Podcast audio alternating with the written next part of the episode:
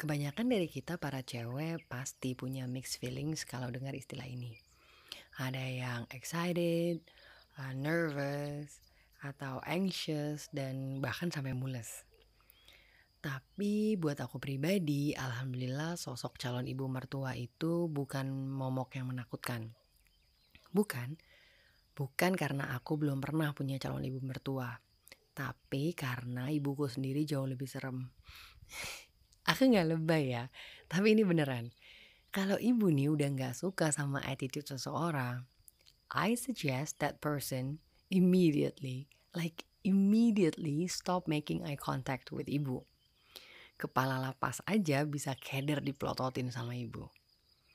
Belum lagi tiga tahun terakhir yang aku habiskan untuk babysitting emak-emak arisan dan uh, sampai chaperoning mereka keluar kota ya kadang-kadang aku suka mempuk-puk diri sendiri uh, dengan bilang mungkin Allah belum pertemukan jodohku tuh supaya aku bisa banyak belajar tentang sosok mengagumkan satu ini. Beberapa tahun ini aku bikin survei abal-abal dan yang jadi responden adalah teman-teman cewekku. Pertanyaannya simple, lebih pilih mana menikah sama laki-laki yang dekat dengan ibunya atau yang enggak? Kebanyakan sekitar 98% lah menjawab kalau mereka lebih prefer sama yang gak terlalu dekat dengan ibunya. Alasannya adalah karena anak laki-laki yang dekat sama ibunya tuh biasanya anak mami. Anak mami tuh ya nanti apa-apa yang dibelain maknya duluan. Belum lagi biasanya mereka tuh manja. Lah pokoknya makan hati banget deh. Tapi buat aku, um, salah satu hal yang aku tanyakan pertama kali adalah tentang seberapa dekat dia dengan ibunya. Semakin dekat, semakin baik buat aku. Aku gak percaya sama yang namanya anak mami itu pasti childish atau pasti negatif. Yang ada adalah laki-laki yang gak paham dan gak bisa membedakan antara kewajiban dia sebagai anak pada orang tuanya dan kewajiban sebagai suami atau kepala rumah tangga pada istrinya. Deket atau enggaknya seorang anak laki-laki pada ibunya menurutku enggak ada hubungannya dengan kedewasaan atau kebijaksanaan dalam pengambilan keputusan di kemudian hari. Oke, jadi apa alasan lo lebih milih anak laki-laki yang dekat sama ibunya kalau gitunya? Itu pertanyaan selanjutnya yang biasanya uh, ditanyakan oleh teman yang aku survei setelah tahu pilihanku. Penjelasan subjektifnya adalah karena aku dibesarkan di lingkungan yang laki-lakinya itu dekat dengan ibunya. Bapak punya hubungan yang deket banget sama almarhumah Yangti dan adik laki-lakiku satu-satunya juga sama.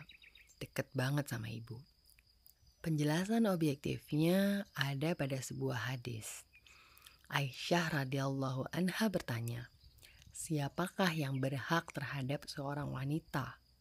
Kemudian Rasulullah Shallallahu Alaihi Wasallam menjawab, suaminya apabila ia sudah menikah. Lalu kemudian Aisyah radhiyallahu anha bertanya lagi, siapakah yang berhak terhadap seorang laki-laki? Rasulullah Shallallahu Alaihi Wasallam menjawab, ibunya. Hadis riwayat Muslim. Surga istri ada pada keridoan suaminya, sedangkan surga suami ada pada keridoan ibunya. Jadi buat aku itu semua saling berhubungan satu sama lain dan gak bisa dipisahkan. Seorang laki-laki yang gak bisa menghormati, menyayangi, dan memperlakukan ibunya dengan baik, ibunya ya, yang notabene melahirkan dan merawat dia dari kecil sampai besar, menurutku gak akan bisa memperlakukan istrinya dengan baik.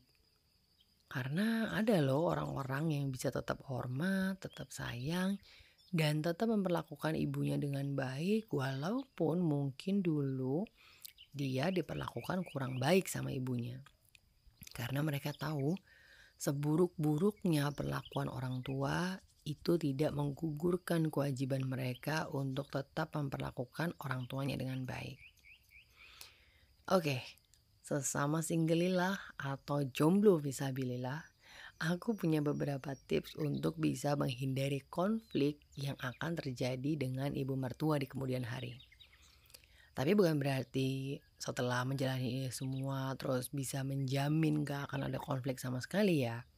Nggak, karena kadang kita sama ibu kandung aja tuh suka beda pendapat kan.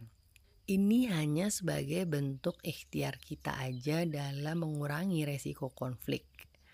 Dan semua tips ini udah aku reality check ke ibu, juga ke emak-emak temen nongkrongku tiga tahun terakhir ini. Jadi ini nggak cuma um, teori-teori atau angan-angan kosongku aja ya.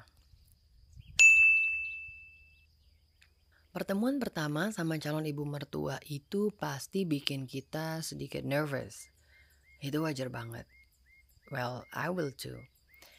Tapi kuncinya ini, be the best version of yourself. Bukan be yourself ya. Kenapa bukan be yourself-nya? Gue harus jadi orang lain dong. Bukan. Gini-gini. Jenis interaksi kita ketika sama temen nongkrong itu beda kan sama interaksi kita ke orang tua dan uh, bos-bos di kantor gitu. Cara ketawa, pemilihan kata, body language, attitude, semuanya lah. Nah, begitu juga yang harus kita lakukan ketika pertama kali ketemu dengan calon ibu mertua itu semua kita lakukan bukan untuk hmm, apa ya fake gitu biar kelihatan baik di depan beliau bukan. Tapi itu semua sebagai bentuk penghormatan kita kepada beliau. Dan ibu pernah bilang caramu membawa dirimu di depan orang lain mencerminkan cara bapak dan ibu mendidik kamu. So being the best version of myself is also my way to respect bapak dan ibu. Tapi jangan juga jadi orang lain ya, semata-mata supaya beliau bisa suka gitu sama kita. Kalau diajakin masak sama calon ibu mertua padahal kita nggak bisa masak, ya bilang aja padanya. Show her that you're willing to learn. Well, at least show her that you can be helpful in other way. Setelah ketemu pertama kali tadi, langsung reality check ke calon kita gitu. Pastikan bahwa calon ibu mertua itu suka sama kita. Biasanya kan kelihatan tuh dari kesan pertama arahnya ke mana. Kalau masih pengen ketemu lagi ya berarti bisa jadi kita dikasih kesempatan kedua untuk meyakinkan beliau atau emang beliau suka sama kita dan mau ketemu lagi. Tapi kalau dari kesan pertama aja beliau udah gak suka sama kita, sama hal-hal yang gak bisa kita ubah seperti garis keturunan, suku, latar belakang keluarga, ya hal-hal yang sifatnya mutlak dan gak bisa kita ubah ya. Ya, saranku sih mending mundur alon-alon. Aku pernah bilang sama seseorang, it is very important for my future mother-in-law to like me. Karena kalau dari awal nggak serak sama aku dan dipaksakan ya kasihan ibunya. Bayangin ya, beliau harus merelakan anak laki-lakinya untuk menikah sama perempuan yang beliau sendiri nggak suka. Masa iya di masa-masa tua ibunya harus dihabiskan untuk mendem rasa sama menantunya? Itu nggak akan adil buat beliau, juga nggak akan adil buat aku. Karena beliau berhak untuk mencintai dan dicintai oleh menantunya. Dan aku berhak untuk mencintai dan dicintai oleh ibu dari suamiku. Karena setelah menikah, beliau adalah orang tuaku dan aku adalah anak beliau. Lagi pula, aku punya adik laki-laki dan suatu hari nanti akan menjadi seorang ibu. Aku nggak mau hal itu terjadi di keluargaku. Ditambah aku juga punya keinginan untuk bisa nemenin mertuaku di masa tua mereka kalau memang memungkinkan. Aku nggak pengen mertuaku meninggal dalam keadaan sendirian di rumahnya, uh, kesepian gitu. Karena aku nggak mau suamiku jadi anak yang durhaka menelantarkan orang tuanya. Jadi sejak awal emang hubungan yang baik sama ibu mertua buat aku itu penting banget dan gak bisa ditawar. Oke, okay. let's say si calon ibu mertua itu suka sama kita dan semua berjalan lancar. Next stepnya adalah memperhatikan kebiasaan mertua atau calon ibu mertua. Learn how she runs the house. Setiap keluarga pasti punya standar yang berbeda dan kebiasaan yang berbeda juga. Aku pernah ditanya dan pertanyaan ini baru pertama kalinya aku dengar. Apakah kamu mau nganterin ke pasar atau ke supermarket buat belanja? Maksudnya nganterin ibu mertuaku nantinya ya. Pertanyaan ini mungkin untuk sebagian orang terlihat simpel ya dan nggak penting untuk ditanyain gitu. Dan aku belum pernah ditanyain eh, kayak gini sebelumnya. Tapi at the same time, I feel like he has his point gitu.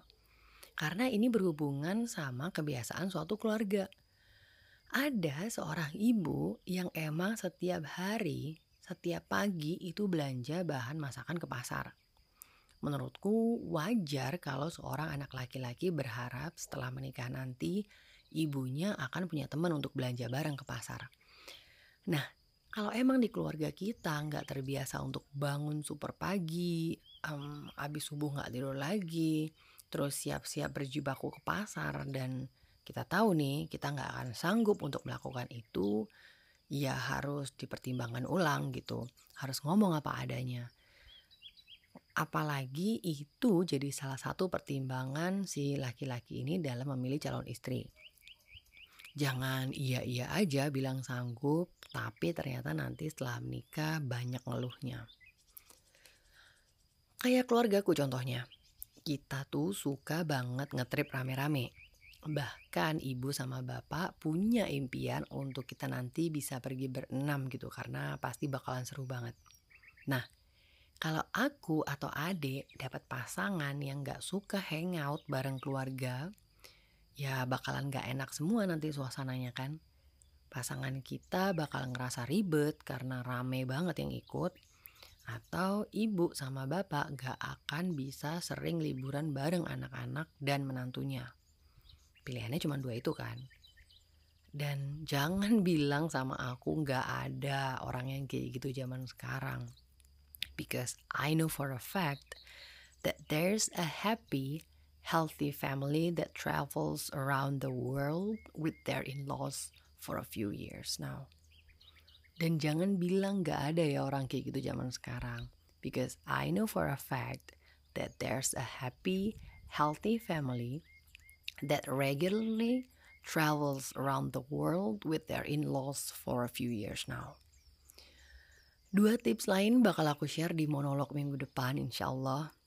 Dan buat yang lagi liburan, eh, mudik ke rumah mertua, semoga liburannya menyenangkan dan bisa membahagiakan semua orang. Fi amanillah ya guys.